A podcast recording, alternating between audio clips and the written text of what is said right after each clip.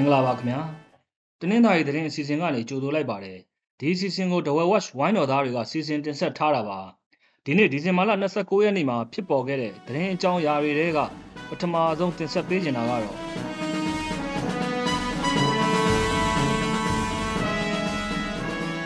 တနင်္သာရီဂျာနယ်ပင်တိုင်စောမရှင်ကိုထောင်ဒဏ်9နှစ်ချမှတ်လိုက်ပါတယ်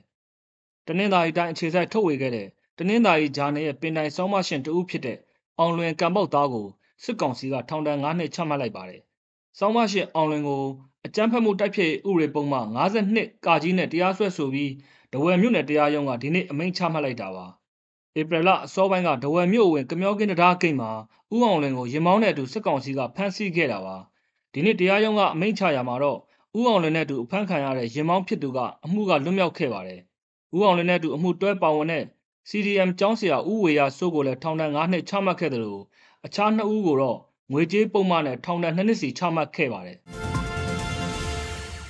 လောင်းလုံးမြို့နယ်ကမင်္ဂလာဆောင်မှာဘုံပေါက်ခဲ့ပါတယ်။လောင်းလုံးမြို့နယ်ဝေရီရွာကမင်္ဂလာဆောင်မှာဒီနေ့မနက်ကဘုံပေါက်လို့မင်္ဂလာဆောင်သူတွေဒဏ်ရာရသွားခဲ့ပါတယ်။ဘုံပေါက်လို့ဒဏ်ရာရတဲ့သူတွေကိုတဝဲစေယုံကြီးစီအရေးပေါ်ကားနဲ့တည်ဆောင်သွားခဲ့ပါတယ်။အခြားသူ10ဦးလောက်မှလည်းပုံပက်ဒဏ်ရာတွေရခဲ့တယ်လို့ဆိုပါတယ်။လောင်းလုံးမြို့နယ်ပြည်သူ့ကာကွယ်ရေးတပ်ဖွဲ့ကတော့မင်္ဂလာဆောင်မှာဘုံခွဲတာသူတို့လှုပ်ဆောင်တာမဟုတ်ဘူးလို့ထုတ်ပြန်ထားပါတယ်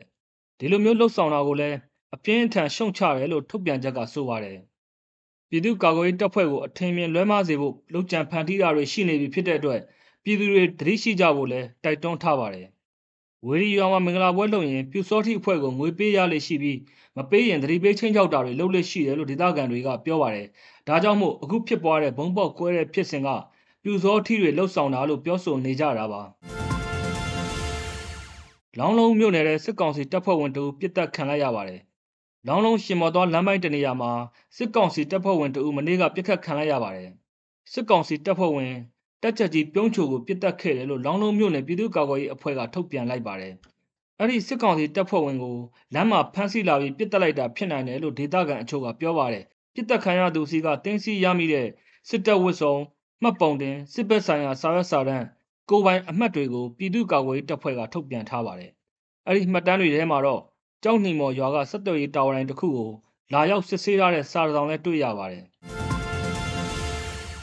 ကရင်ပြည်သူ့ကာကွယ်ရေးတပ်ဖွဲ့ကပလောမြို့နယ်ရဲ့စီယုံရေးဆင်းနေပါတယ်။ပလောမြို့နယ်ကကြေးရွာ20နီးပါးကိုစီယုံရေးဆင်းခဲ့တယ်လို့ကရင်ပြည်သူ့ကာကွယ်ရေးတပ်ဖွဲ့ကမနေ့ကထုတ်ပြန်လိုက်ပါတယ်။ KNU ထိန်းချုပ်နယ်မြေထဲမှာရှိတဲ့ကြေးရွာ18ရွာကိုတွားရောက်ပြီးပြည်သူတွေနဲ့တွေ့ဆုံခဲ့တယ်လို့ထုတ်ပြန်ချက်ကဆိုပါတယ်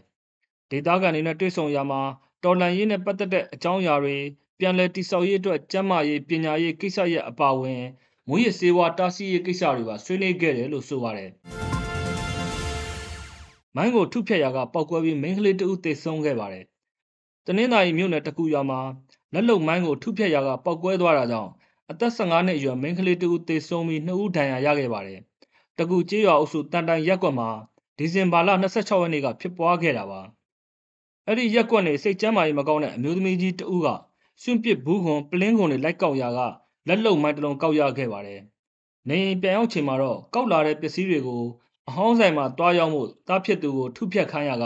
ပောက်ကွဲသွားတာပါ။ပောက်ကွဲတဲ့အချိန်မှာအရှိမထိုင်ကြည့်နေတဲ့အမျိုးသမီးငယ်တဦးသေဆုံးခဲ့ပြီးစိတ်ကျမ်းမာရေးမကောင်းတဲ့အမျိုးသမီးကြီးနဲ့ထုဖြတ်တဲ့တားဖြစ်သူတို့ဒဏ်ရာရရှိခဲ့ပါတယ်။ဒေါ်ရမြို့ပေါ်ကနေရင်တလုံးဖောက်ထွင်းခံရပါတယ်။ ဒဝယ်မြို့ဝဲကျွန်းမြို့တရက်ကွက်ခုနှစ်လမ်းမှာ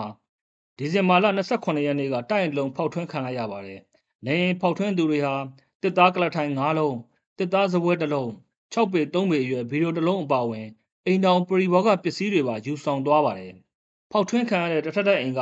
စောက်လုပ်ဆက်ဖြစ်ပြီးလူအများနေထိုင်တာမဟုတ်ဘူးလို့ဆိုပါတယ်။ဖောက်ထွင်းခံရတဲ့ဖြစ်စဉ်နဲ့ပတ်သက်ပြီးရက်ကွက်အုပ်ချုပ်ရေးမှုနဲ့ရဲစခန်းကိုတိုင်ကြားထားတယ်လို့ဆိုပါတယ် အာနာသိမ့်ပြီးနောက်တဝဲခိုင်မှာခုံးမှုဓမြတိုက်မှုတွေခက်ဆိတ်ဆိတ်ဖြစ်နေပြီးကျူးလွန်သူတွေကိုဖမ်းမိလေးမရှိဘူးလို့ဒေသခံတွေကပြောဆိုနေကြပါတယ်။ထိုင်းနိုင်ငံမှာကားမောက်လို့မြန်မာလူသား38ဦးဒဏ်ရာရသွားခဲ့ပါတယ်။ထိုင်းမြန်မာနယ်စပ်ဖြစ်တဲ့ရနောင်းခရိုင်မှာမြန်မာအလုပ်သမားတွေပါတဲ့ဘတ်စကားတစ်စီးမနေ့ညကတိတ်မှောက်ခဲ့ပါတယ်။ကားမောက်လို့မြန်မာအလုပ်သမား38ဦးဒဏ်ရာရခဲ့တယ်လို့ထိုင်းသတင်းတွေကဆိုပါတယ်။